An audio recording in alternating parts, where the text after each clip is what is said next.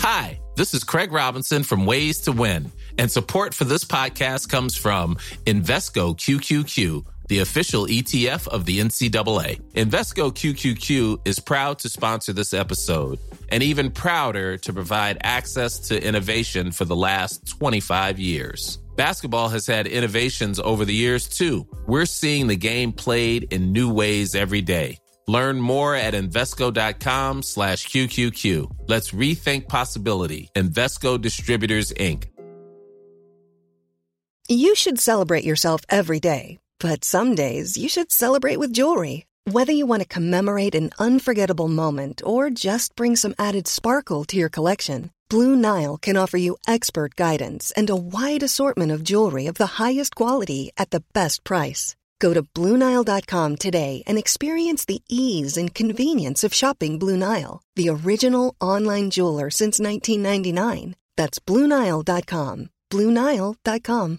Hey, Dave. Yeah, Randy. Since we founded Bombus, we've always said our socks, underwear, and t shirts are super soft. Any new ideas? Maybe sublimely soft. Or disgustingly cozy? Wait, what? I got it. Bombus. Absurdly comfortable essentials for yourself And for those facing homelessness. because one purchased equals one donated. Wow, did we just write an ad?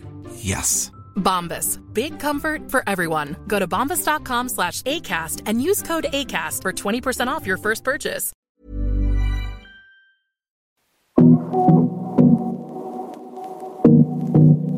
Hej och varmt välkommen till avsnitt 204 i Karriärpodden. Den här veckan gästas jag av fantastiska Adiba Barney, tidigare framgångsrik vd och ledare i Silicon Valley med en bakgrund inom PR, innovation och startupvärlden i Sverige.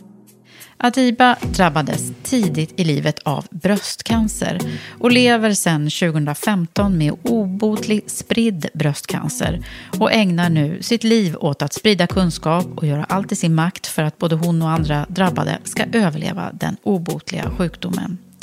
Just nu är Adiba i Sverige i samband med att hennes bok släpps med titeln När livet ger dig kaktusar gör margaritas.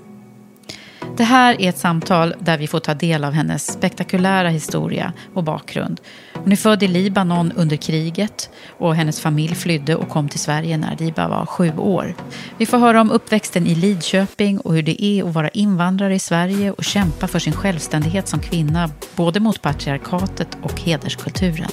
Vi får höra om karriären inom tech och startupbranschen i Stockholm och vidare till hennes dröm och hur hon hittade hem i USA och Silicon Valley där hon från början marknadsförde Sveriges innovativa företag på uppdrag av Swedish Institute.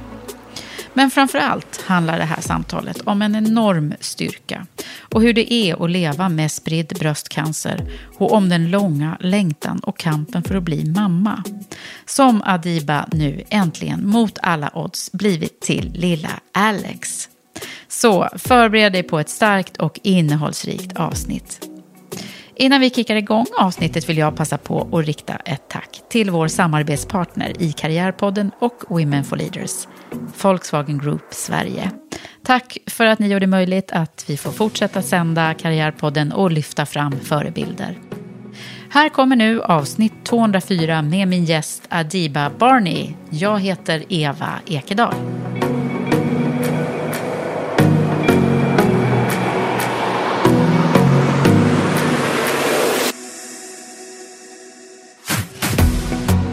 Adiba Barney, välkommen till Karriärpodden. Tack snälla Eva, det är så roligt att vara här. Ja, men Kul jag att- är också så himla glad över att jag lyckades få en liten slottid med dig här när du är i Ja, Sverige. men självklart. Ja. Det här var ju viktigast och prioriterat på min lista. Ja, och det är ju inte alla som känner dig ännu i Sverige. Nej. Eh, eftersom du tillbringar så mycket tid, eller du bor i USA. Bor i USA sedan tio år tillbaka. Ja. 2011, ja, precis. Och jag har ju fått förmånen att ta del av din alldeles nya färska bok. Eller jag har fått smygläsa lite Ja. innan lanseringen. Ja. Ja. det är några få som har gjort det, men nu är den ute. ja. Och det är ju ingen vanlig bok, det är en bok om ditt liv. Ja. När livet ger dig kaktusar, gör margaritas. Ja, exakt. heter den. Ja. Och jag det- älskar titeln för den, den är ju faktiskt, alltså det, det kan ju vara så för oss allihopa att vi får kaktusar eh, på olika sätt i Mm. Ja, livet. precis. Men du har ju fått lite extra många kan man ju tycka. Eh, och, Och många eh, margaritas Många margaritas. och en fantastisk eh, livsinställning måste jag säga. Mm. Och energi. Men nu ska ju alla få ta del av det här, tänker jag. Och hur gör vi då? För det finns ju, vi har Ja, suttit och pratat mycket. innan. Och hur ska vi bara klara detta på Ja. en timme? Men vi, så mycket vi, som hänt på mitt korta liv, ja. Det Ja. kan man säga. vi, vi, vi måste nog börja från början. nu. Ja, Adiba, du föddes i, Libanon. i Libanon. Ja, jag föddes under krigets Libanon. Eh, kriget i Libanon startade ju 75 och jag föddes 77. Eh, så mitt i det faktiskt så eh, rusade eh, de mamma till sjukhuset under när bomberna slog ner. Ah, vi det var under skyddsrummet då när hon fick verkningar och Mm. med mig.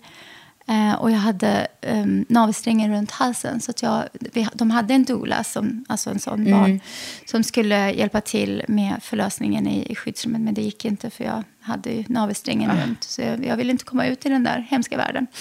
Ehm, Så det var dramatiskt redan Väldigt från dramatiskt början. redan från början. Och det, det, det är så mitt liv startade. Mm. Och det var som att någonstans visste att det här kommer, det är så mycket som kommer hända i ditt liv. Mm. Så att nu förbereder vi dig redan från början för det tuffa. Liksom. Mm. Har, har du tänkt så? Ja, det, är, det är lite så jag, jag tänker. att Mm. Starten var ju där och eh, att leva i krig i sju år som barn och Mm. hela min barndom var ju förstörd.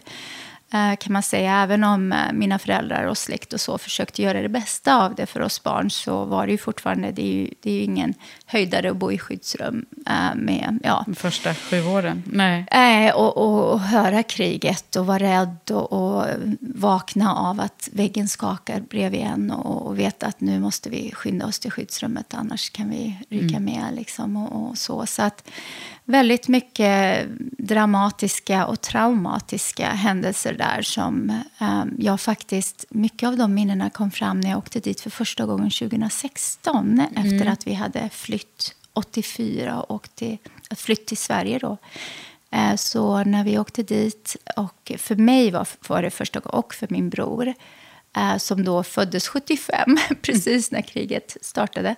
Och såg då, vi, vi fick möjlighet att se där vi bodde och skyddsrum, Ah. alltså alltihop. Och då kom så Kom, många kom det minnen. mycket tillbaka då? Ja, Mm. så många. Det var som att eh, jag hade förträngt en hel del och det kom fram då.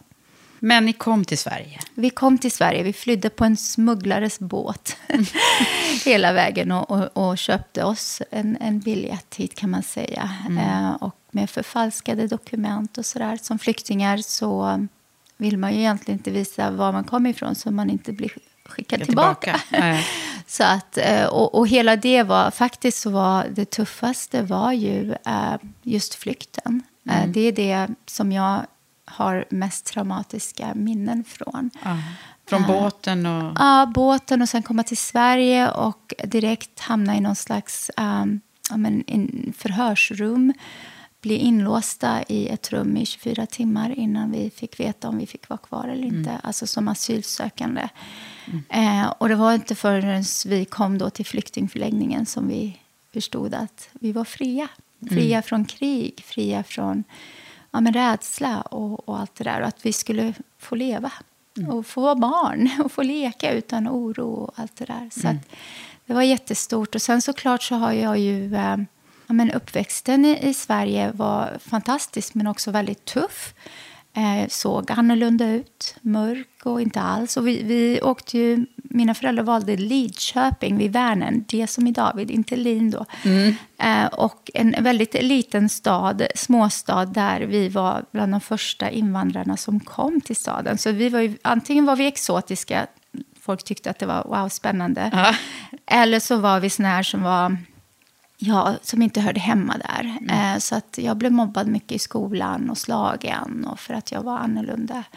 Jag såg annorlunda ut. Jag var inte så mycket annorlunda i liksom all, något annat. Jag var ju barn, Ja. som alla andra barn.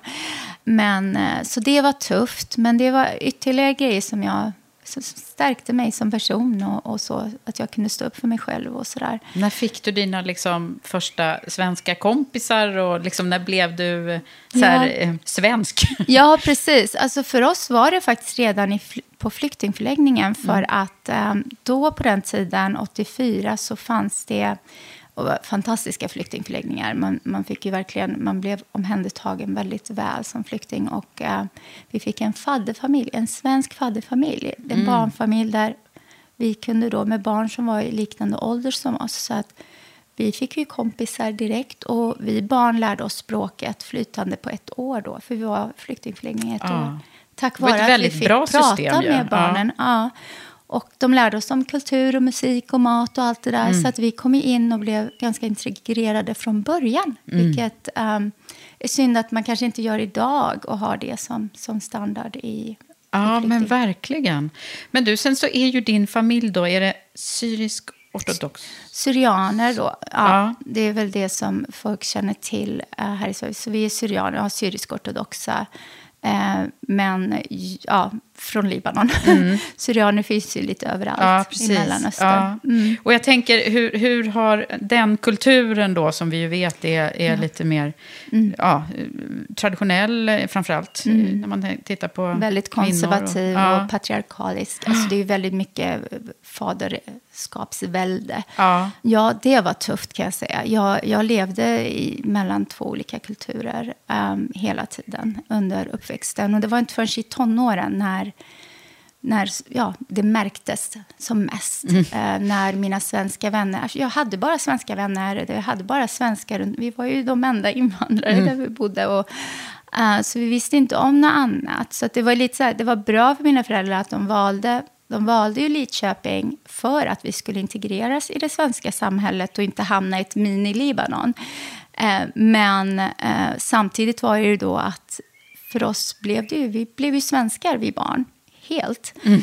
Eh, och eh, just den här rädslan med det liberala Sverige, att vi, rädslan från föräldrarna att vi skulle bli försvenskade och liksom vara lika fria och liberala och, och mm. sådär. Och, eh, och vilket egentligen bara var ha kul och, och mm, okej okay, att bli ihop och få chans på någon och ha pojkvän och sådana saker. Det fick ju absolut inte jag.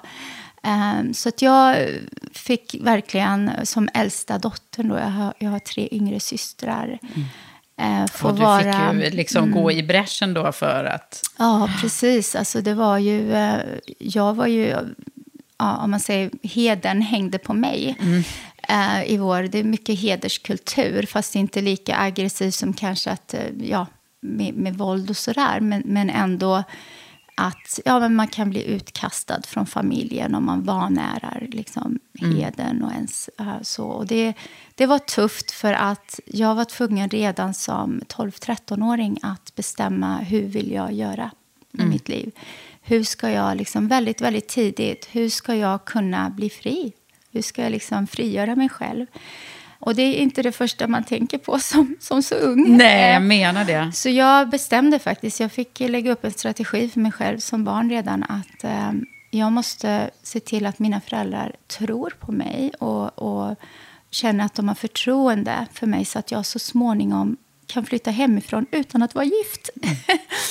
För att i vår kultur är det ju så att man, man flyttar oftast inte hemifrån, bor inte själv Nej, eller så innan man gifter man sig. Då. Ja. Mm, och gifter sig gärna med en syrian och sådär. Eh, vilket jag inte gjorde. Eh, och, och jag flyttade hemifrån eh, för att plugga på högskolan och bo själv. Och det var ju det hände ju liksom inte i vår kultur. Jag var ju den första i släkten som gjorde det. och så, där, så att, Hur fick du igenom det? Då? Ja, det var ju min strategi som började ja. redan eh, så tidigt att jag helt enkelt fick offra att inte få ha en tonårstid och en mm. ungdomstid. Alltså jag gick aldrig på diskon eller var ute på... Du var otroligt skötsam liksom. Så att det, mm. jag fick, ja. Det var enda sättet, för att annars så var det att revoltera och eh, ja, fly hemifrån och inte liksom, ha mm. kontakt med min familj. Och, och, så ville jag inte ha det. Eh, för det var ju inte... Man kan ju också lite grann förstå att det var så. För de var ju alltid så här, ja, men det var främmande, man visste inte, det var mest rädsla. Att, eh, ja, att något skulle hända. Men, Och man visste inte vad det där något är. Men sen är det ju också den här ingrodda kulturen att vad ska andra folk tycka? Mm. Det är väldigt mycket så inom den syrianska kulturen, att vad ska andra tycka? Det var liksom den här heden att behålla liksom det fina ryktet. Mm. Och som, som eh, flicka då och, och, kvinna sen så har man väldigt stort ansvar att eh, inte vara nära det. Eh, min bror hade all frihet i världen. Mm. Hans flickvänner sov över hos oss när han redan var, när han var 15 eller så. Ah, så det var så, det var så, så orättvist. ah. Det var så hemskt att, att liksom leva med det här att min bror kunde göra precis vad han ville. Han gick på diskon, han gjorde precis vad han ville. Eh, Medan vi tjejer inte fick det. Och framförallt jag då som var äldre som, som mm kunde ha gjort vad, det. Och... Vad föddes Så han partade med mina kompisar. Ja. så det var, mm. Vad föddes i dig under de här ja, men Det var tiden, då jag bestämde att jag ska aldrig vara beroende av en man som ska liksom, eh, och så. Jag ska aldrig ha en, jag kommer inte att gifta mig med någon som kommer att diktera hur mitt liv ska se ut. Eh, som kommer att eh, bestämma vad jag ska göra och inte göra och mm. sådär. Och jag måste hitta min eh, självständighet och min frihet. Och insåg att det enda sättet jag kunde göra det, det var att se till att få en utbildning, till att stå på egna ben så jag får bra karriär, så, så att mm. jag inte behöver så, ha en man som ska ta hand om mig. Um, och det är ju inte så det, det liksom är. Numera är det ju väldigt vanligt att um, ja, tjej, syrianska tjejer går och pluggar och så. Det var mm. ju inte så på den tiden, men, men nu har det ju förändrats ganska mycket. Ja. Men då, då var det... Du var lite eh, så här, en one of a kind då kan man säga. Ja, och var i, precis. Västerås. Precis, jag växte upp i Lidköping i Västra Götaland och sen så pluggade jag i Västerås på Mälardalens högskola, internationella marknadsföringsprogrammet. Mm. Uh, och jag valde det. Alltså, mina föräldrar var ju inte så det är så svårt för, för folk att förstå att ja, men mina föräldrar kunde inte språket så bra. Eh, de var inte så insatta i liksom, studier och såna saker där. För de förstod ju inte allt som så. Så att jag kollade ju upp vad ska jag studera. Vad, jag fick ju ingen hjälp av Nej. det. det. Det jag fick med mig från mina föräldrar var entreprenörskap. Ta för sig och liksom, jobba hårt, arbetsmoral och allt det där. För det gjorde de. De vägrade att ta liksom, socialbidrag eller få någon stöd efter flyktingförläggningen. Så de jobbade ju upp sig och startade företag och sådär. Eh, och jobbade riktigt hårt. Så jag fick ju ta hand om barnen och se till att de fick mm. mat när de kom från dagmamma och hämta dem och bla bla bla. bla. Så att jag, ja, jag fick växa upp allt för fort. Då pluggade du i Västerås och, eh, och där hände det ju massa spännande saker. Och du, eh, vad var det du började jobba med då? Ja, precis. Så att när jag väl kom till Västerås så eh, var ju, eh, högskolan är nära Teknikbyn, hette det då. Eh, en teknikpark höll på att, att växa upp eh, i gamla Kopparlunden, ABBs gamla, mm. så här, vad kallar man dem? Industrilokaler. Just det, mm. precis. Tack. Eh, så att där så byggde de upp så en, en science park. Eh, och det här var helt nytt, för det här var slutet på 90-talet. Och teknik och allt det där nya, liksom, nya ekonomin och mm. internet och Bredbandsbolaget och mm. Framfab och de här. Allt det där höll på att hända. Och, eh, studierna var inne i en teoretisk värld, medan jag upplevde något helt annat eh, i, liksom, i, i näringslivet höll på att hända. Eh, och jag var väldigt aktiv i kåren. Eh, så att jag ville verkligen kunna komma i kontakt med liksom, näringslivet snabbt. Och då var jag aktiv i näringslivsutskottet, arbetsmarknadsdagar och sådana saker. Så att jag blev rekryterad eh, redan innan jag blev klar med, med skol, eh, mm. skolan och, och eh, studierna så jobbade jag redan. Och då jobbade jag inom Teknikbyn. Jag jobbade på ett företag där, startade ett IT-lag. Um, som var, vi hjälpte då små företag med att bygga hemsidor. Mm. Små och medelstora företag, för annars kunde de bara göra det via såna här stora eh, bolag och konsultfirmor, it-konsultfirmor och sådär. Så vi var studenter som, så jag ledde det laget som, eh, med studenter som då hjälpte till och kunde tjäna pengar men också lägga till erfarenhet på CV och mm. sådär. Så att jag kom in i arbetslivet ja, men det var två år innan jag blev innan klar. Innan du blev klar? Mm. Ja. och sen var det ju hårt. egna företag väldigt tidigt i ditt liv också. Ja, precis. Så att när jag väl lämnade, för jag lämnade då eh, Västerås, Teknikbyn efter studierna och efter att ha jobbat i Teknikbyn ett tag så eh, blev det Stockholm. Eh, den första mannen i, i mitt liv då, som jag gifte mig med, inte en syrian då, utan en, en svensk italienare. Ehm, Ja, för då Så det- gick det, var bra alltså att du kunde få göra det. Ja, alltså det är så mycket som händer däremellan och så som ledde fram till det. Men jag hade ju byggt upp sånt stort förtroendekapital hos mina föräldrar. Ehm, så att ehm, ja, de litade på mig till 100 procent. Och jag gjorde ju, jag var ju inte liksom... Jag gjorde allt som man skulle. Visst partade jag sen. Alltså oj, oj, oj vad jag tog igen tonåren. När jag väl kom till högskolan. Ja, det var mycket partyn på kåren och mycket kul liksom. Men jag gjorde också studier och jobbade hårt och sådär för att jag jag var ju målmedveten. Jag skulle ju verkligen klara mig själv. Jag skulle stå på egna ben. Visste du liksom vad du... Vad drömde du om att du skulle bli då? Ja, alltså när jag var barn, så, eller min, min ungdom, så var ju min dröm att bli hotellchef av någon anledning. Eh, nej, men alltså jag jobbar mycket på hotell extra och så. Eh, jag pluggade hotell och restaurang på gymnasiet, vilket var eh, för att jag tänkte att det är min start till att sen, jag vill ju plugga i Schweiz och så har de så här hotel management. Mm, det. Så det var ju min plan, att jag skulle liksom då. Men sen så när jag var i Västerås och kom i kontakt med teknik och startup-världen, det var då jag föll för liksom det. Mm, Det, var det, som, och, det är ganska spännande det här, eller hur? När man, att, att det är någonting som leder en eh, Ja. på något sätt. Och då hamnade du i den och sen är det Ja. ju verkligen tech och innovation som har ja, varit det en röd varit, tråd alltså, eh, precis. för dig. Mm. Jag hittade min passion. Jag kände att det var det här med att se framtiden hända framför ens ögon och, och kunna liksom vara del av det och, och stötta och supporta det och få ut de här eh, startup småföretagen som har fantastiska idéer. Vissa är så galna så det finns inte, men de, det är det som gör vår värld. Det är de här galna visionärerna som skapar sån här teknik som kommer att förändra världen. Antingen samhället, planeten eller vad det nu må vara. Ehm, och, och jag bara föll för det så hårt. Eh, och jag älskade den miljön, jag älskar den här typen av liksom, uppfinningsrikedom eh, runt, runt en och eh, det här snabba med liksom, tillväxt, skala upp eh, världen.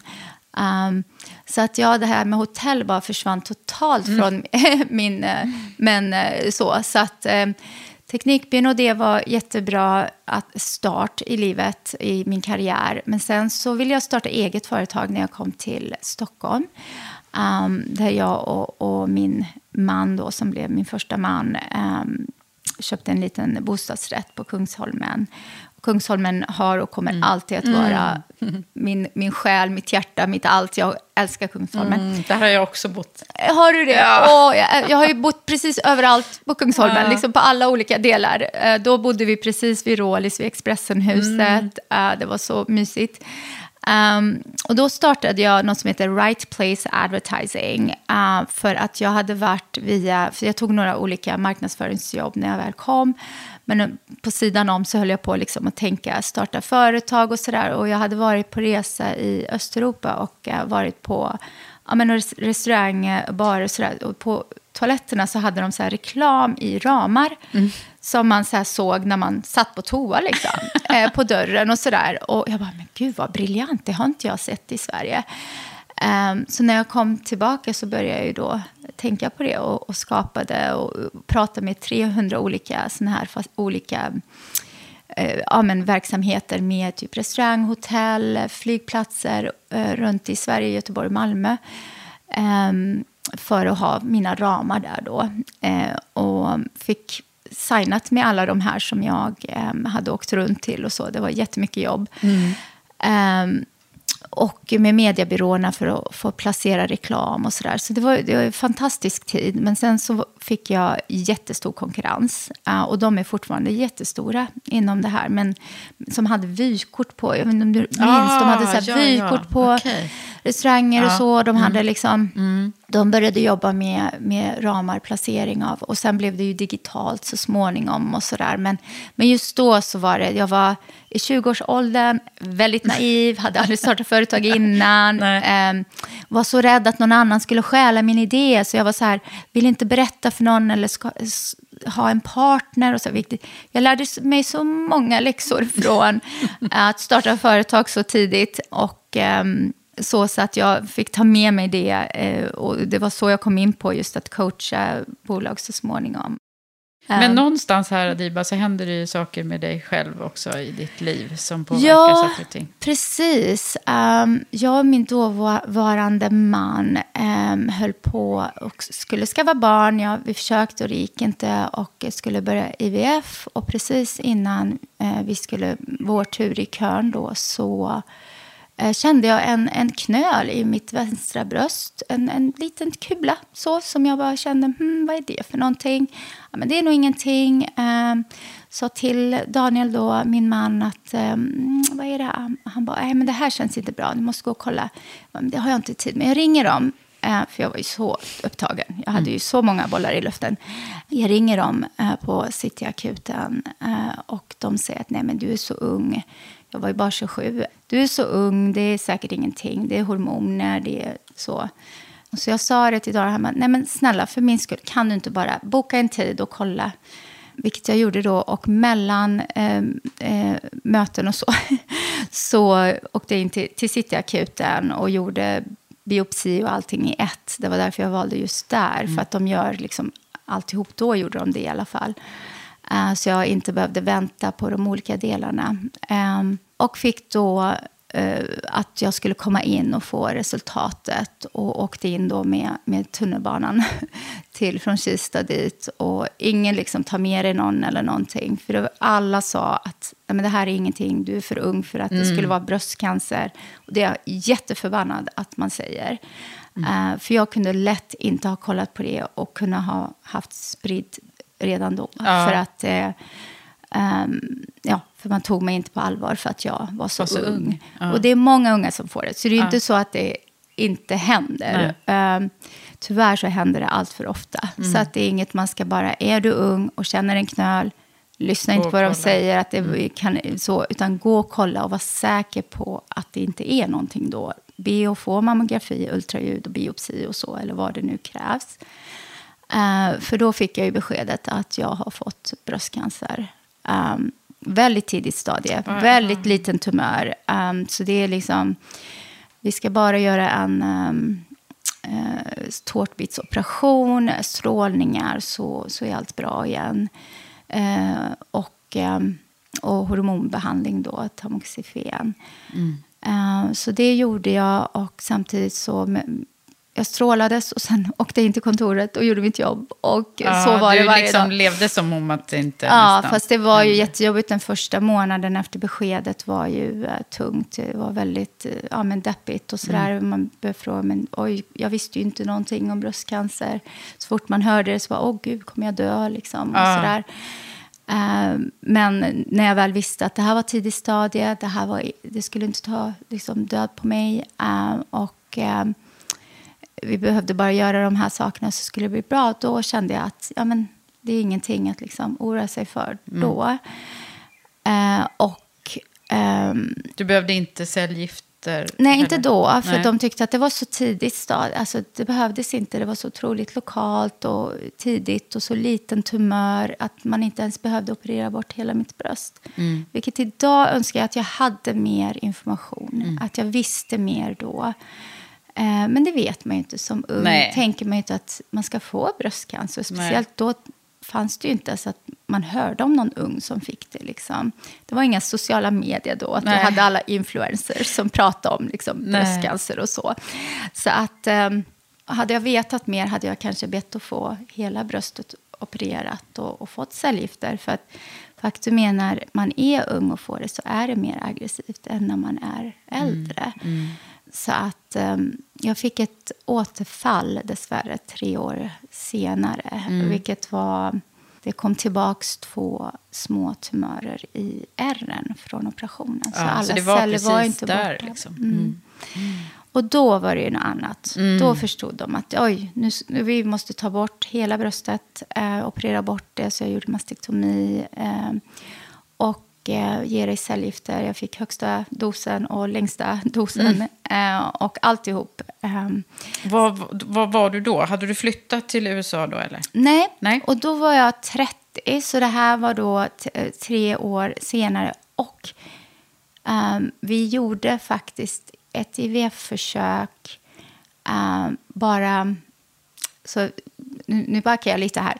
Ehm, så 2005 då var mitt första, återfallet var 2008. 2007 så på våren så gjorde vi ett IVF-försök och det gick inte vägen och väldigt deppigt. För det här med fertiliteten och, och haft svårt att ha barn har varit en stor liksom, grej i mitt liv. Längtan efter barn, försöka, mycket IVF och mycket liksom, ja, negativa gravtester och mycket sorg över att inte kunna få barn och sådär. Det har hängt med mig länge i mitt liv. Um, det var 15 år totalt tills det äntligen hände. Men um, då, sen efter vi vårt försök och några, några, ett par månader efter så säger min man att han inte älskar mig längre och vill skiljas. Så det kommer en sån här, okej, eh, så då var det en sak till där och jag trodde han var verkligen mannen som jag skulle leva hela mitt liv med. Så, så det var en jätte, jättechock. Eh, och hur det hela gick till och så kan man läsa om, för jag, det är så många verkligen. olika detaljer i allt det här. Men bara sex månader efter Det blev lite skilsmässan. väl många kaktusar där kan man Väldigt tycka. många eh, efter varann så. Och eh, bara sex månader efter skilsmässan. Och jag är på väg att uppfylla en dröm som jag haft allt sedan studierna. Eh, vilket var, eller allt sedan jag var ung och åkte till New York första gången. Vilket var att åka och bo och jobba i USA. Den är väldigt tydlig och stark, den här drömmen om USA. Precis, för jag var, när jag var 15 så var jag eh, på sommarlov eh, hos mina kusiner i New York. Och det var min första resa till USA. Och jag bara förälskade mig i USA. Jag, bara, jag fick en sån här känslan att oj, det här, det är liksom, åh vad mycket händer här. Det är mycket känsla och, och tempo och allt det där bara kändes så rätt.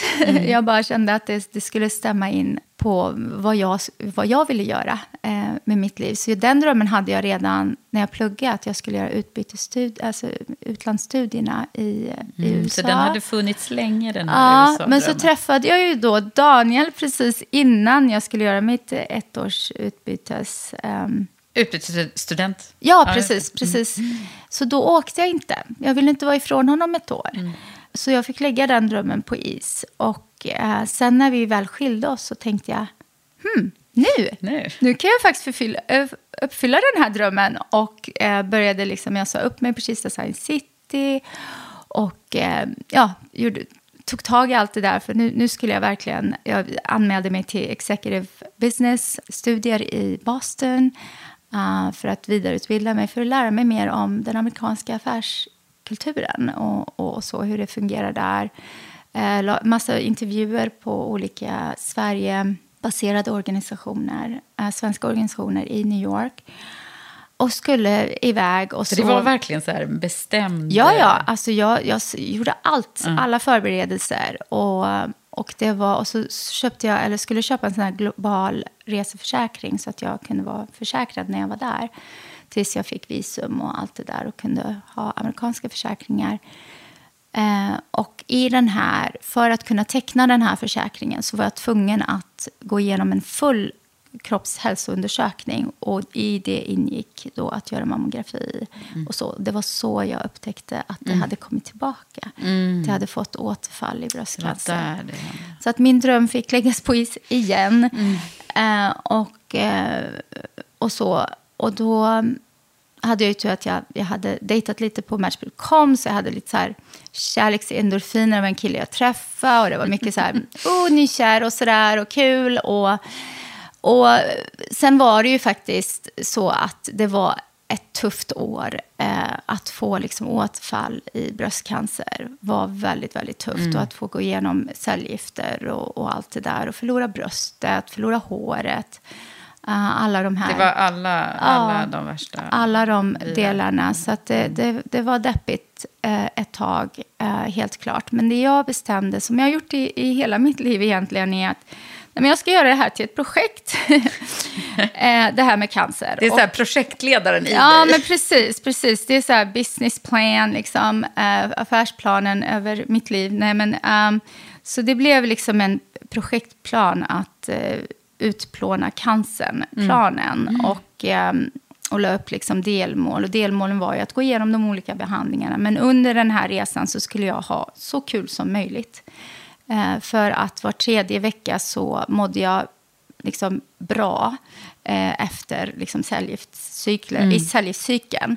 Eh, och kände att den veckan då jag mådde bra i, i cykeln så skulle jag hitta på något kul och, och resa och göra grejer som jag inte har tänkt på att göra innan och sådär.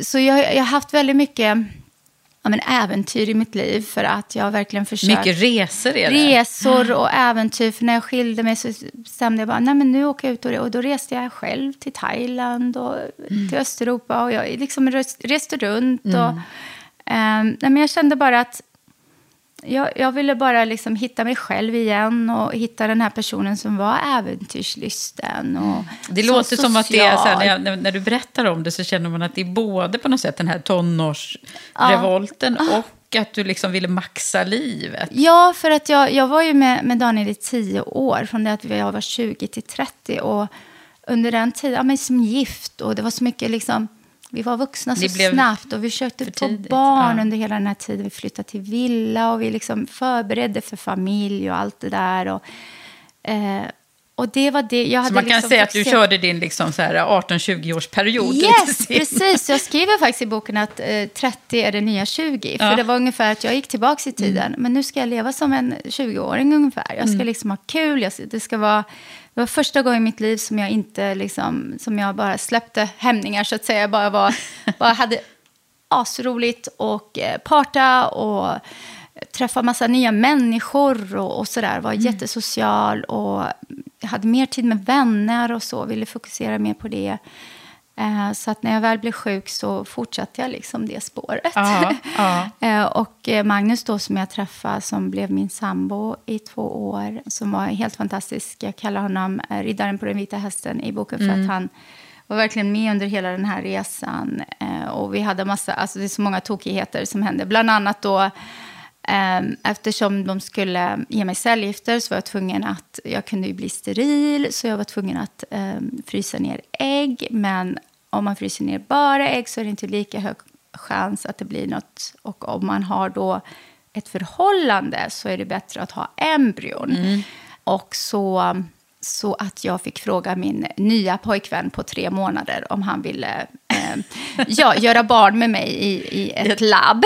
Eh, och eh, göra embryor med mig. Och, och det ville han för att eh, ja, det, blev, alltså, det var så många konstigheter som hände. Och, och jag pratar mycket om, eller jag skriver mycket om det i boken, alla de här tokigheterna och, och galenskaperna. Det är Men, helt eh, fantastiskt. Ja, eh, så att mitt liv har varit liksom verkligen så mycket som händer, eh, tuffa grejer, men samtidigt så kryddar jag till det med en massa så här galna, tokiga, Ja, men det är liksom resor och sorg och glädje, Ja. väldigt eh, så här, täta Han- skott på något sätt. För att väldigt tidigt, eh, när jag efter har varit med om så mycket liksom, som ung, så har jag bestämt att jag, jag lever, jag vill ha kul. Jag liksom, livet är till för att levas och sådär. Eh, men sen fick jag ju ändå chansen att komma till USA. Två år efter då att jag eh, blev sjuk i eh, återfallet i bröstcancer så pitchade jag in ett koncept till Svenska institutet. För vid det laget hade jag mitt andra företag. För när jag väl var klar med cellgifterna så startade jag mitt andra företag, Startup Communication. Branding You from the start. Som gick ut på att eftersom jag hade gjort det här inom Sting med deras bolag så ville jag nu kunna liksom hjälpa startupföretag i hela landet att veta hur man kan positionera sig på en internationell marknad och vara mer amerikansk i sitt sätt att promota sig själv. Och, eh, och sådär. För det var just då var det inte, vi hade inte så här vassa entreprenörer som liksom... Nej. Det fanns ju några få, men, men, eh, några få förebilder. Men eh, svenska entreprenörer var väldigt så här, mm, timida, inte det här att gå ut och ta för sig och det här som man ser mycket amerikanska eh, tech-entreprenörer i startups gör och sådär. Och gå ut och prata för sig. Och, eh, och speciellt på en, en global scen. Eh, så att Startup Communication gick ut på att liksom paketera sina företag för att kunna så, så småningom komma ut internationellt. Eh, och eh, jag fick möjlighet att göra det med tech startups från hela landet och det var fantastiskt att se så mycket bra, häftiga otroliga innovationer, eh, teknikföretag i hela landet. Om det var liksom upp i norr eh, till liksom i söder. Alltså jag fick verkligen se hela landet. hur, hur man hade, Det var inte bara i Stockholm, det var Nej. inte bara inom Sting mm. som de här häftiga bolagen kom fram, utan de fanns precis överallt, överallt i Sverige. Ja. Och jag insåg att varför, varför skryter vi inte mer om det? Mm. ute i världen. Varför det var där idén ut? ja, till det kom? Mm. precis. Uh, jag är som sagt, jag har alltid varit väldigt amerikansk i mitt sätt att liksom, se på business. Det, det är ju fascinerande. Hur har du mm. kunnat... Jag vet inte, det är nog det, det är liksom, här... min arabiska, alltså min syrianska gen, att jag växte upp ändå i entreprenörsfamilj, men också att jag fick kämpa så för att ta för mig och ta plats och, och få komma dit jag ville. Eh, att jag kände att ja, men då får man göra det där extra. Mm. Då får man, man får skrika lite för att höras. Man får liksom vara lite mer än vad normen säger. Eh, och det är ju vad amerikanerna är ju är så ju så, naturligt. Ja, så att du liksom hittade hem där i ja, den precis, ah, kulturen. Precis. Men då pitchade du på, för... Eh, ja, precis. Jag, jag kände att det, det, är dags att Sverige går ut i världen mm. och säger Gud vad grymma vi är på innovation. Titta vilka häftiga företag vi har haft i flera, alltså hundra års tid mm. med våra jätteteknikföretag som vi har. och, och sådär. För vi var ute mycket och pratade om kultur och att Sverige är grönt. Och det finns något som heter um, place branding, geographic brands. Mm. Alltså geobranding är ett koncept. Um, det, man, man är, varje land är ett nation brand, alltså det är ett nationsvarumärke. Ja. Varje stad är ett varumärke i sig. Um, det tänker man inte på, men eh, vi rankas och, och, mäts precis som produktvarumärken, precis som företagsvarumärken, som land i världen. Så man kollar i olika index. Men, vad är landet känt för? Eh, så att vi har ju så här varumärkesansvarig för Sverige. De jobbar på Svenska institutet. Ja, precis. Det är de, deras och det var där du var då och, ja, och pitchade precis. din idé? Ja, mm. precis. Mm. Så att jag tänkte, nej men då, då hör jag av mig till, det var en kille som heter Joakim Norén då som hade ansvar för varumärket Sverige kan man säga kort. Och jag hörde av mig till honom och sa, du jag har en galen idé. Eh, kan jag få pitcha den för dig? Och så gjorde jag det bara till honom först då, och han älskade det och sa att vi bokar in det med, med olika representanter på Svenska institutet. Och så fick jag komma dit till ett konferensrum med typ tio personer som hade olika ansvar på Svenska institutet. Och det här ligger ju då under UD för ja. folk som inte känner till vad... Mm. Många känner inte till vad Svenska institutet är för att det jobb, de jobbar ju jobbar internationellt. Ja. Eh, och då står jag där och presenterar Innovative Sweden. Och projektet gick ut på att vi paketerar eh, det allra häftigaste inom innovation, teknik, innovation i Sverige. Eh, nya häftiga teknikbolag får synas genom en mobil utställning som vi liksom som en fram. roadshow? Typ. Ja, en mm. roadshow mm. som man tar fram i varje land man kommer till. Och storyn bakom varumärket, det är storyn bakom där vi har liksom svenska bolag som har varit i framkant inom just teknik i så många år men aldrig, liksom, aldrig kopplats till att det är Sverige. Som, det är inte made in Sweden. så vi, vi var tvungna att visa vad som är made in Sweden. Och att Sverige inte bara är grönt, kultur, musik, fashion och design utan det är också väldigt, väldigt bra högteknologiska företag som förändrar världen.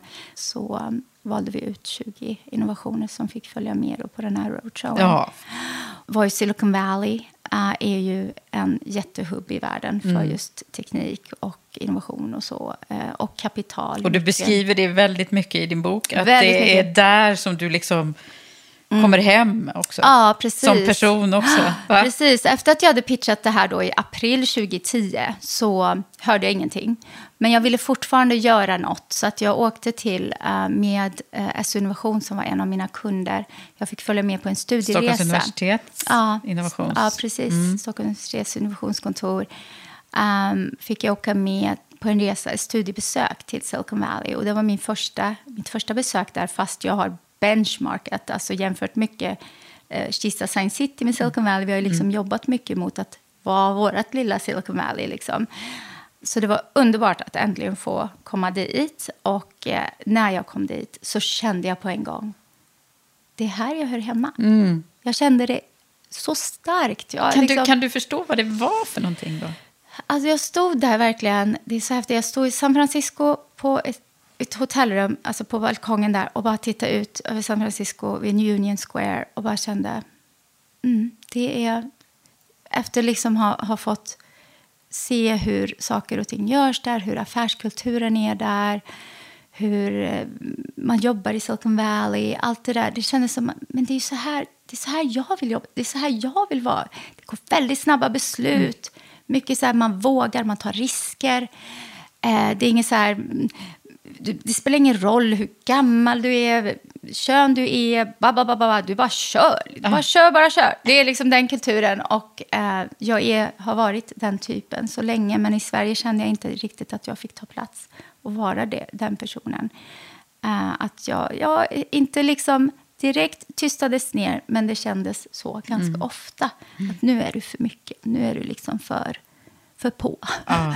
eh, och, det där med och, lite landet lagom Ja, och, precis, precis. Och jag kände bara att ja, men här kan jag vara mig själv till 100 procent. Mm. Eh, jämfört med, jag kanske var bara 40 procent innan. Alltså mm. förstår du? Att jag fick verkligen vara mig fullt ut.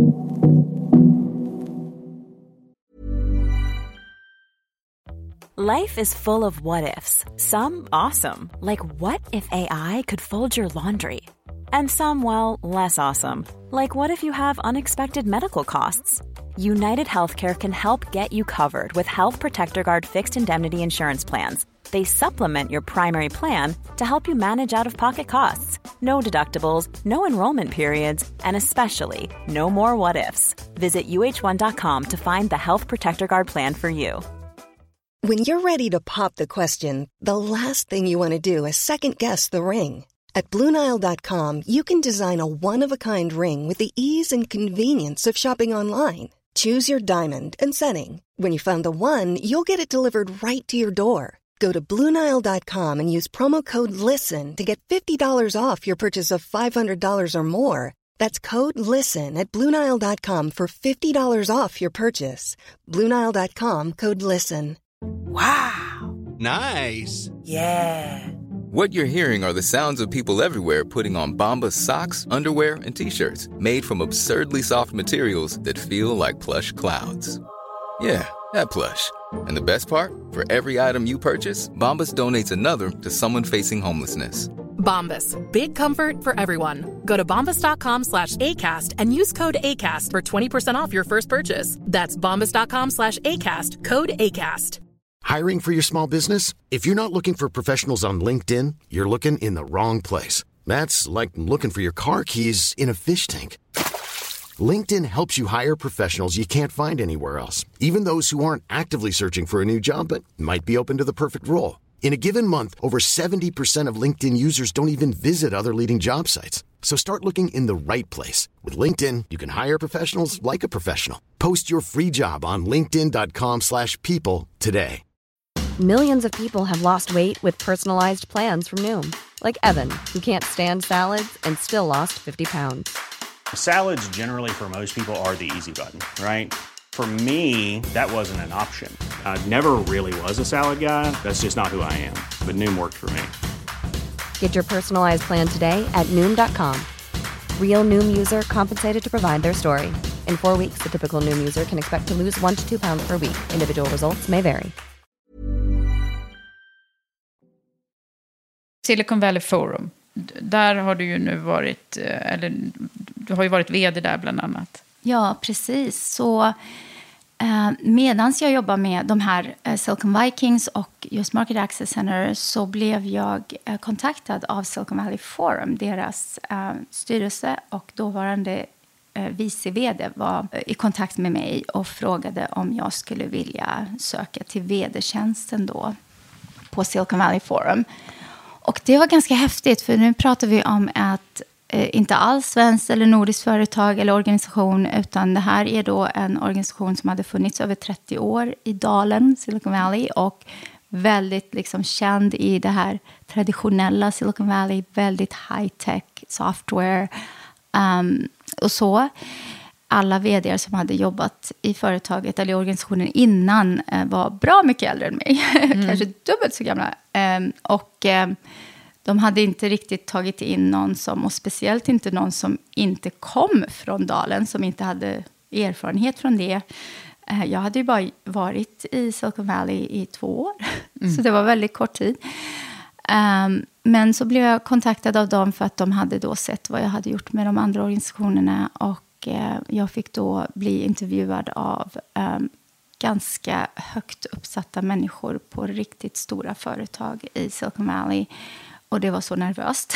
Jag ja. hade aldrig blivit intervjuad av såna stora personer förut. Nej, alltså just höga. det. Och det finns en väldigt stor skillnad här mellan mm. hur det är att bli intervjuad på samma sätt i Sverige ja, precis. och USA. Berätta. Mm. Ja, framförallt så när man skickar in CV så är, är inte bild med alls. Ingen ålder får nämnas, kön. Uh, personlig typ, um, ja, singelgift, sådana saker, alltså status, uh, så. Uh, saker som är väldigt normala här i Sverige. Man tar mm. med, ja men jag är så och jag är så här gammal och, och så. Jag är gift och har så här många mm. barn och bla bla bla, eller inte. Um, så det får man inte alls nämna, för det är emot arbetslagarna där. Att uh, man kan, uh, så det inte blir diskriminering. Precis. Mm. Det här är ju så intressant. Här skiljer ja. vi oss åt. Ja, så att man uh, inte kan diskriminera människor mm. utifrån att bara titta på CV. Uh, och, och, vad gjorde du där när du stod inför de här? Då? Ja, så att jag blev ju intervjuad av så många i styrelsen. Bland annat en, den mest nervösa, som jag tyckte, för hon har alltid varit en förebild för mig, um, är Ann Winblad. Hon är inte svenska, man kan tro det med mm. namnet, men hon har uh, svensk ättlingar från Minnesota, alltså Minneapolis. Mm. från liksom, back in the day, svenskarna som kom till USA.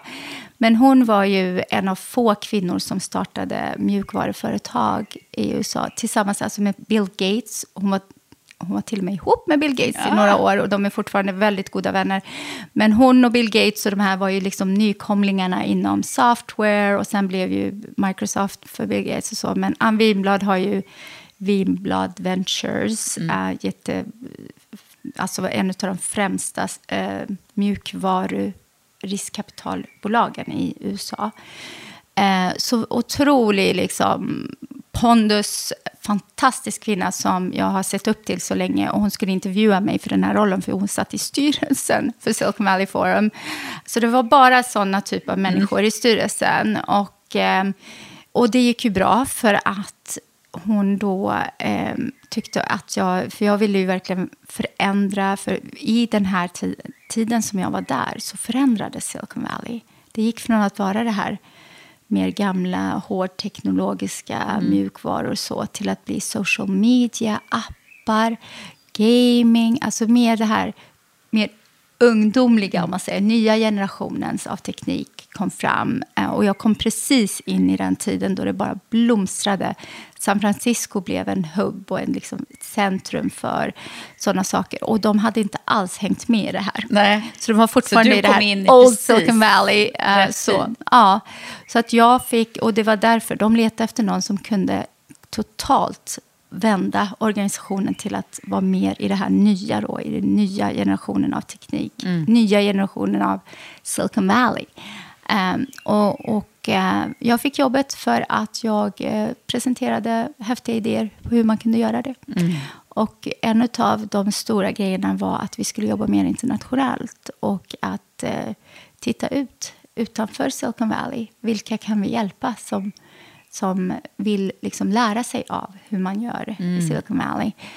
Uh, så att så väldigt, bredda perspektiven liksom? Mm. Ja, för att vad, vad, jag var van vid att, var att jobba med innovationsekosystem, alltså science parks, innovationsmyndigheter och sådär. Och alla de kommer ju på besök till Silicon Valley för att lära sig av det. Och varför var då inte Silicon Valley Forum en sån viktig part i, i det mm. arbetet? Eh, och jag hade ju redan då kontakt med så många olika länders innovationskontor och sådana saker. Så att, eh, det gjorde en jätteskillnad i Silicon Valley Forum. Så att, men, men det som är hände... det här det roligaste jobbet du har haft? Absolut. Ja, Absolut. Det syns, det nästan på alltså, dig. Jag älskade det jobbet. Mm. Eh, Men jag har älskat det, den typ av jobb jag har valt genom hela min karriär. Mm. För att jag valde verkligen, jag valde min passion. När jag hittade hem där i Teknikbyn så, ja, jag hade verkligen... Så från det- teknikbyn i Västerås till Ja, det Silicon blev verkligen Valley. så. Det blev verkligen så. Titta, nu fick vi nästan slogan på den här, Ja, det här men avsnittet. Precis, Ja, det men var sen hände så. det nu massa- heter det Västerås Science Ja, Park. det. bara så att Ja. folk, teknikbyn är inte alla som känner till. Men, eh, men det häftiga var ju ändå att få vara med i, alltså, i centrumet av vad som händer i Silicon Valley. Träffa de här visionärerna, de här som folk bara Ja, du har träffat talas om. allihopa liksom. Jag har träffat, ja, inte alla kanske, men, Nej, men nej. väldigt många av de här. Elon Musk och alla de här Ray Kurzweil, alla de här som folk liksom läser De som om liksom i- uppfann internet. Ja, ja, ja, precis. Windsurf. Ja, vi har hängt i olika konferenser, hur, suttit gammal och är, arbetsgrupper. hur gamla är de nu? Alltså han är över 70, eh, men han är väldigt aktiv fortfarande. Aha. Eh, alltså de här är ju, de hör ju till liksom grundarna av Silicon Valley. Tänk att vi liksom lever under den tiden när, så här, när jag kan sitta, ja, du som träffar Ja, de ja. som uppfann internet. Ja, men precis. Den Tänk är att- lite cool. Exakt. Tänk att vi faktiskt har varit med om hela det här. Från att ha bara suttit och, och lyssnat på kassettband och använt. VHS till liksom att sitta med smartphones och allt som händer. Ja. Ja, AI, art, artificial intelligence och allt det där. Eh, Men det var så häftigt för mig att verkligen se. Om jag tyckte att jag hade sett framtiden i Kista Science City så var det inget mot vad jag sen hamnade i. Alltså där jag, jag var mentor på Singularity University som är de främsta inom att hitta på de mest galna grejer som ska förändra för minst tre miljarder människor. Annars så tar de inte in eh, startup, alltså idéer. Nej, precis. Eh, och jag var mentor för de eh, företagen, eller de startup-företagen och, och så. Så att, alltså det var otroligt. Eh, Nu kommer det mera kaktusar. Precis. Så det var därför det blev så tragiskt. Ännu mer tragiskt att jag fick lämna det här. Mm. Att jag, allt det jag hade jobbat så hårt för. Och jag älskar verkligen mitt jobb. Och det var en sån stor identitet av den jag är. Och åh, jag gråter. Mm. Ja, det är så jobbigt för mig. För att jag, alltså jag, jag blev så deprimerad av att jag var tvungen att... Jag, jag försökte i ett år att jobba samtidigt som jag fick min spridd bröstcancer eh, diagnos. Men det var svårt att kombinera vår vd i Silicon Valley med Ja. att bli För då behandlad var, för det, det. då var det dags igen, så att säga. Ja, precis. Mm. Så att min, min andra man då, vi kanske ska backa lite till. Ja. Så jag träffade Chris då på Match.com. Mm. eh, I Silicon Valley, i, San i San Francisco. Francisco. Mm. Bara sex månader efter att jag kom dit för Innovative Sweden-projektet. Och ehm, vi blev så här jätteförälskade och eh, förlovade oss efter två år. Och gifte oss då december 2013. Och vi ville ha barn och han visste att jag hade kämpat så länge och längtan och allt det Mm. där. Och, och gjort IVF och hade embryon frysta i en labb och sådär. Ehm, och eh, så vi, det var, vi skulle börja med det igen då, IVF. Och jag har gjort så många sådana, liksom, åh, eh, Mm. det är mycket med det där. Ehm, och eh, vi ska då komma in och vi, vi har fått tid på fertilitetsklinik. Vi gör alla de här testerna man gör. Men innan vi skulle börja med hormonstimulering så säger eh, fertilitetskliniken att vi måste eh, veta 100% att du inte har bröstcancer. Alltså även om du har fått friskförklaringen från Karolinska, vilket jag fick 2013, eftersom det hade gått fem år efter att jag avslutade. Mm, för det är fem år som det, de ja, pratar precis. om. Så jag fick ju brevet efter att jag hade varit hemma och gjort mammografin och, och så. Jag bara, ja, men visst, men jag, jag, jag är ju frisk, jag har ju inte... Jag är botad från Mm. det där, men visst, vi gör det för säkerhets skull då. Ehm, och eh, vi gör mammografin och jag, det visar sig att jag har fått en ny bröstcancer i andra bröstet. Eh, så jag hade förstadiet till bröstcancer i mitt högra bröst, så stadium noll då.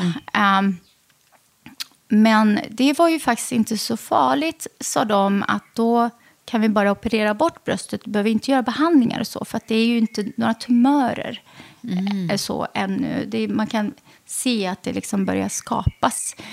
så att vi tar, om vi gör en mastektomi så kommer det att vara bra sen. Så då tänkte jag, ja, men då gör vi det. Jag ville bara bli av med det här med bröstcancer. Jag bara ville få det liksom bort ur mitt liv så att jag bara kan fokusera på att skapa familj och, och ha det bra. Jag har ju ett så fantastiskt liv i USA, bra karriär, min man, liv, alltså vänner och kärlek och allting. Um, Allt var på topp. Ja. Mm. Och så när jag är efter operationen, så när jag håller på och läker hemma så börjar, har jag svårt att andas. Och eh, jag får så panik och vi åker in till akuten. Och eh, det visar sig att de gör alltid röntgen i USA. När man kommer till akuten så gör de alltid en kroppsröntgen. Mm. Eh, speciellt när man har svårt att andas. Och det visar att jag har vätska i lungorna. Eh, men det var inte bara det. Utan de såg att jag hade tumörer i, över hela mitt skelett. Mm hade jag fått... Eh, och det här var inte från den här nya bröstcancern, utan det här är något som har växt under flera år. Eh, då har jag alltså fått spridd bröstcancer. Um, ja, vet inte exakt vilket år jag fick det, men jag fick ju aldrig göra en kroppsröntgen Nej, som uppföljning, eller efter, efter min eh, diagnos och efter jag var klar med behandling. Under de sju åren från det att jag eh, behandlades för återfallet till att jag fick den här nya. Jag hade jag aldrig gjort en kroppsröntgen, mm. bara mammografi och ultraljud. Det är ju märkligt att man inte ja. gör detta. Och det är ju så att man, man kollar då lymfkörtlarna och har man mm. ingen spridning dit så säger man så. man har ingen spridning. För att man kan inte se när celler går ut i blodomloppet. Så att det enda som kan visa om man har fått spridning är ju via kroppsröntgen. Mm. Speciellt alltså när det har bildats tumörer. Mm.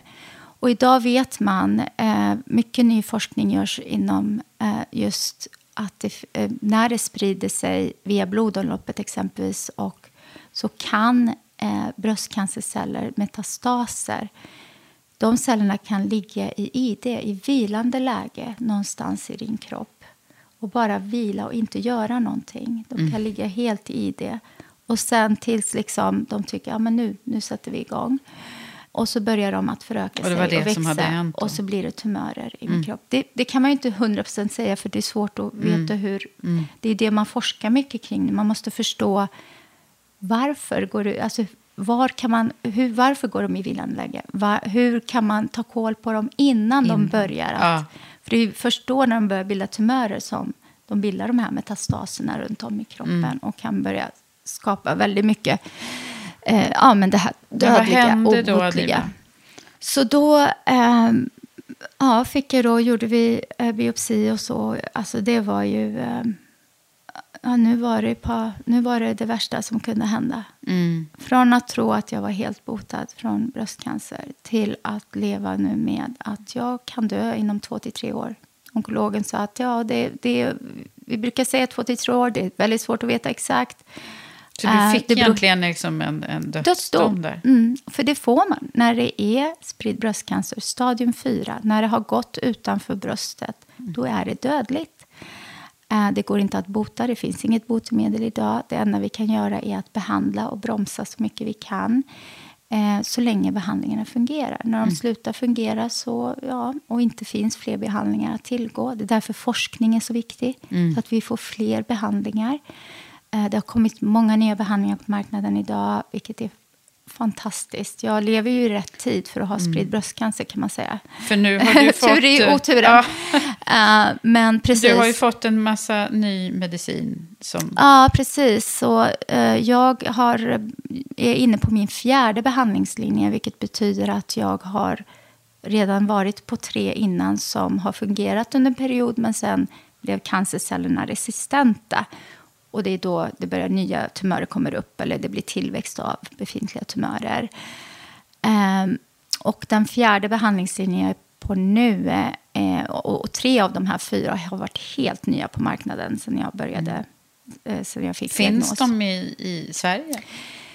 Eh, inte alla Nej. som jag har tagit. Och det vanskliga i det är, och jag har faktiskt pratat mycket med eh, representanter, alltså patienter här, patientförespråkare för spridd bröstcancer, som säger att eh, det, är, det tar för lång tid. Det tar för lång tid för de här nya behandlingarna att komma till Sverige. Mm.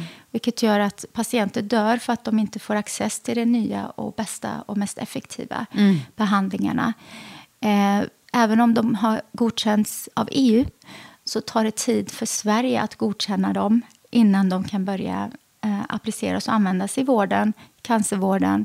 Men framför allt det absolut tokigaste är, utöver det är att när de väl kommer till Sverige så är det ojämlikt beroende på vilken region du bor i. Um, i, I Stockholm har du access, men inte kanske alltså i en annan region. Um, jag kan inte namnge spe, de specifika regionerna.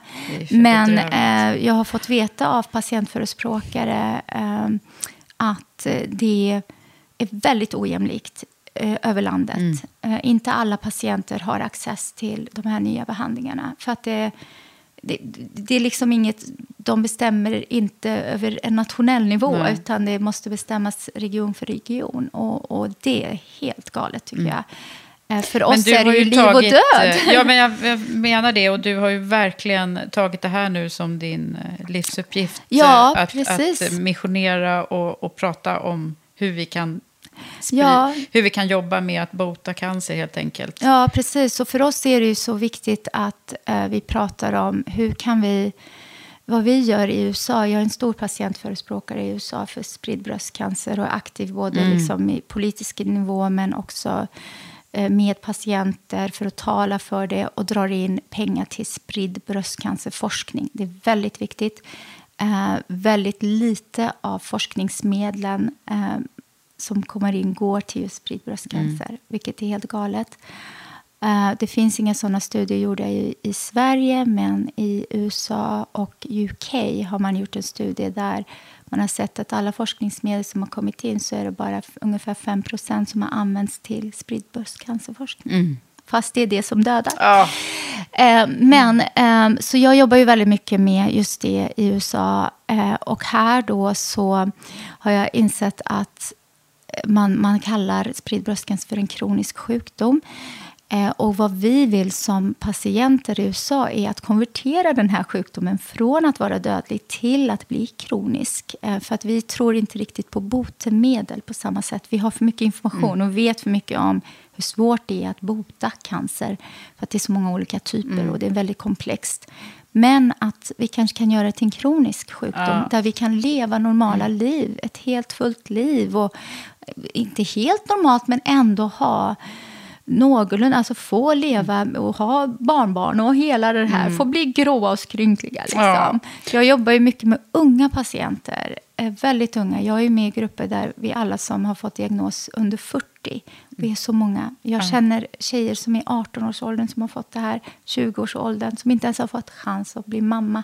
Inte fått chans Men att det leva fick livet. du, även om det inte var någon Precis. lätt eh, historia. Ja. Eh, ska vi, hur Ja, kan, vi kan- vi sammanfatta det? Ja, precis. Det är så mycket som har hänt i mitt liv som, som Man- man ni skulle behöva ha tre Eva. Det- timmars podd ja, med dig, precis. Vi gör eh. många olika poddar för varje ämne. Nej, men precis.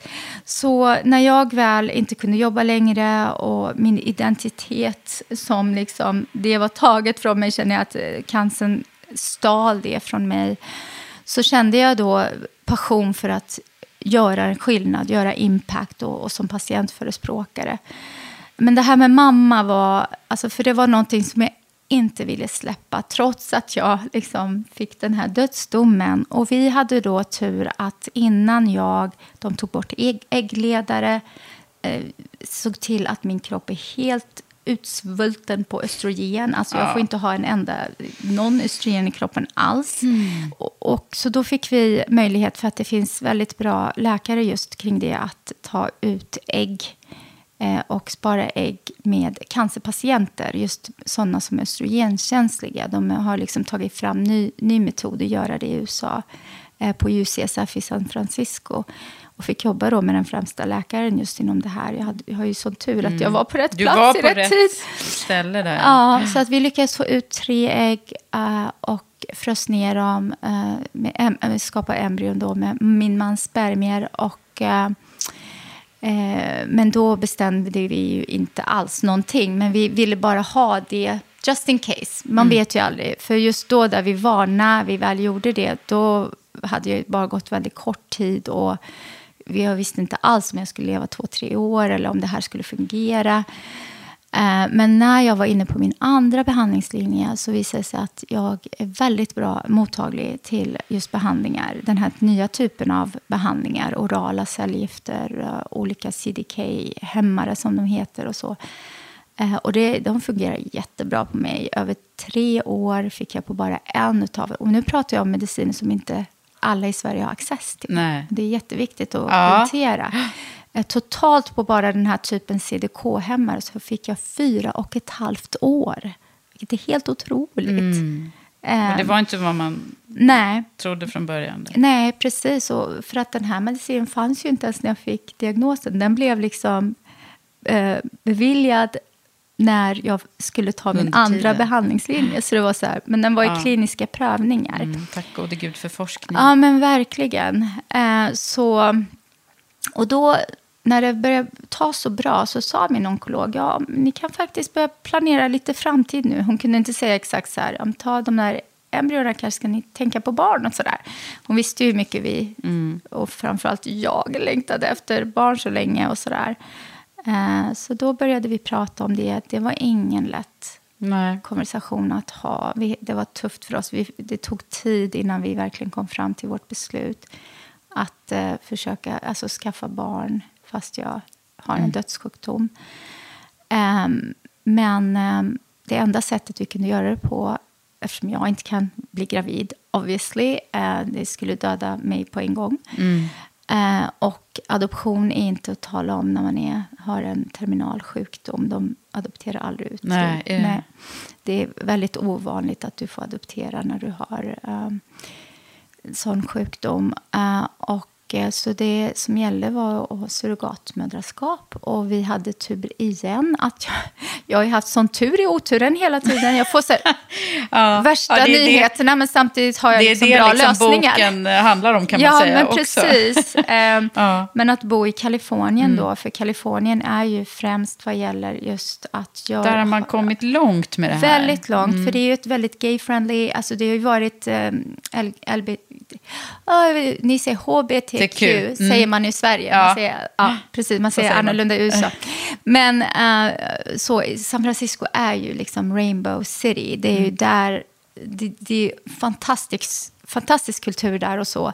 Och där har man jobbat med surrogatmödraskap och haft det liksom med i kulturen mm. väldigt länge. Eh, och har byggt upp ett bra system kring det. Så att surrogatmamman är i centrum. Man ser till att surrogatmamman har de absolut bästa förutsättningarna.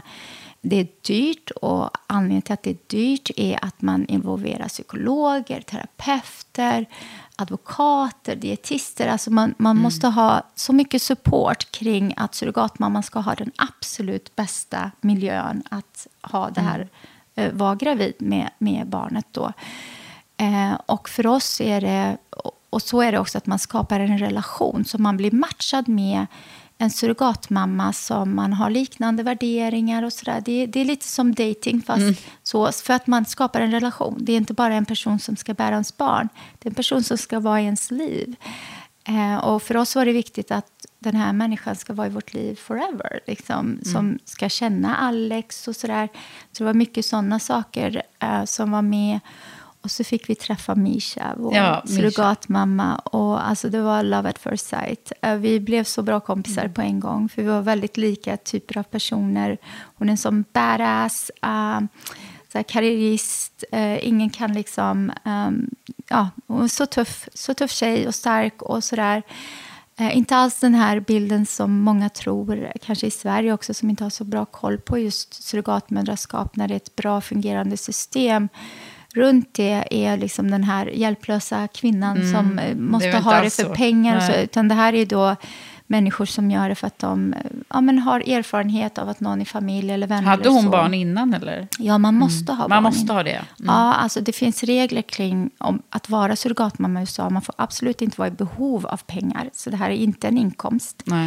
Uh, så man, att man har bra hushållsekonomi, man har barn innan, så att det inte är mm. liksom ens första barn, för det blir väldigt tufft psykologiskt. Ja. Att man då genomgår de här psykologiska och terapi, alltså det är mycket terapi innan för att se att den här personen klarar av det mm. rent mentalt och sådär.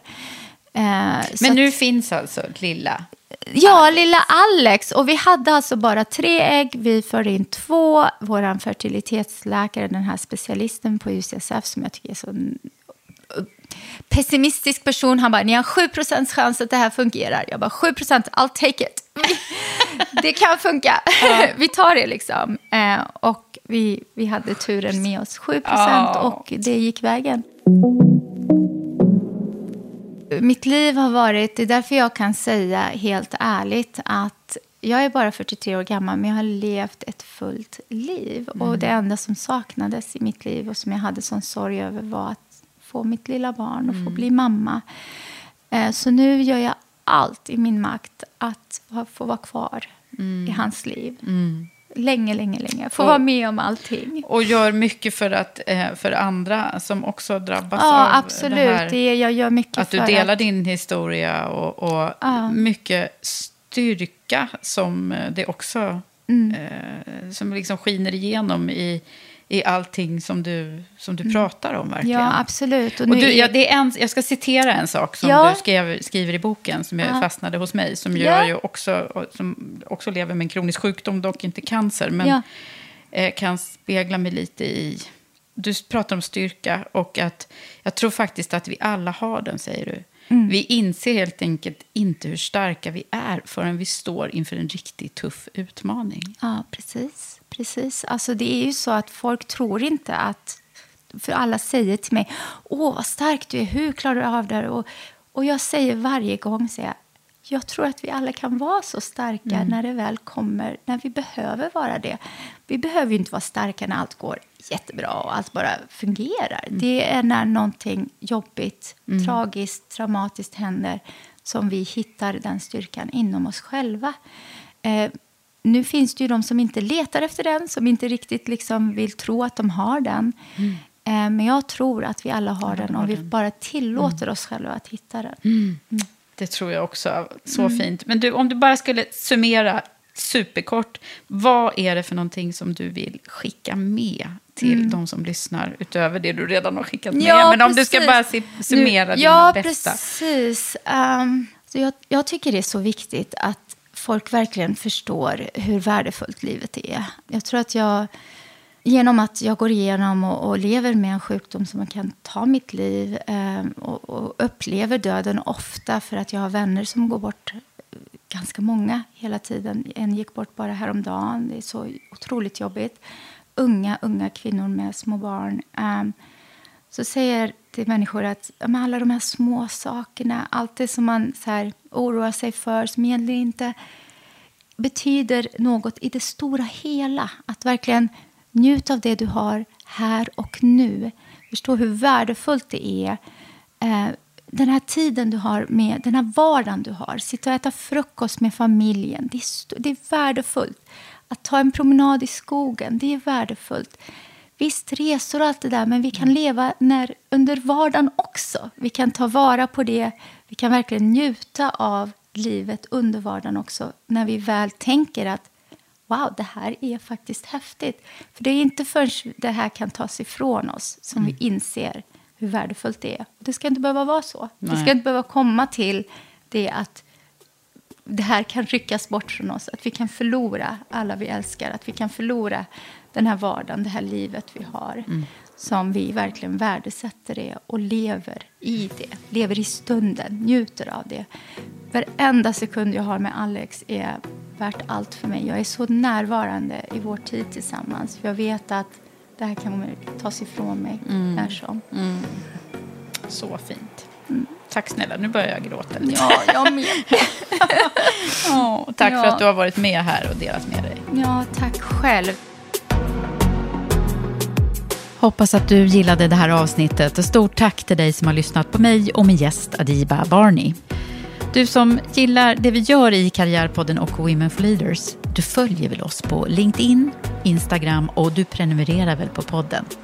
Jag vill också slå ett extra slag för EQ Executive Search, searchbolaget som rekryterar moderna ledare till ledningsgrupper och styrelser med ledorden EQ och Equality.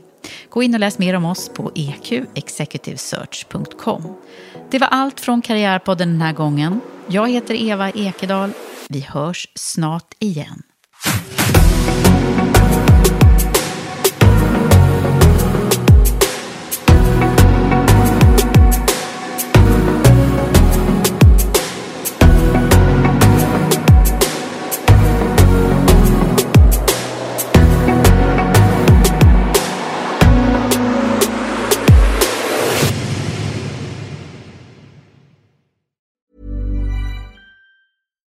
When we're on a budget, we still deserve nice things.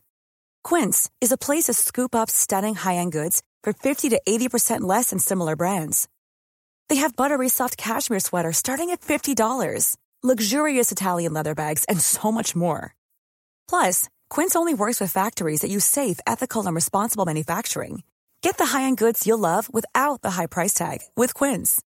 Go to quince.com slash style for free shipping and 365-day returns. Mom deserves the best, and there's no better place to shop for Mother's Day than Whole Foods Market. They're your destination for unbeatable savings, from premium gifts to show-stopping flowers and irresistible desserts. Start by saving 33% with Prime on all body care and candles. Then get a 15-stem bunch of tulips for just $9.99 each with Prime. Round out Mom's menu with festive rosé, irresistible berry chantilly cake, and more special treats. Come celebrate Mother's Day at Whole Foods Market. Save big money when you start your next project today at Menards. Convert your current recess lighting with energy saving LED downlights from Fight Electric. They're bright and install easily in just minutes. They also go from regular lighting to nightlight mode with just a simple flip of a switch. Save big on all Fight lighting products now at Menards. Shop our lighting options today in store and on menards.com. Save big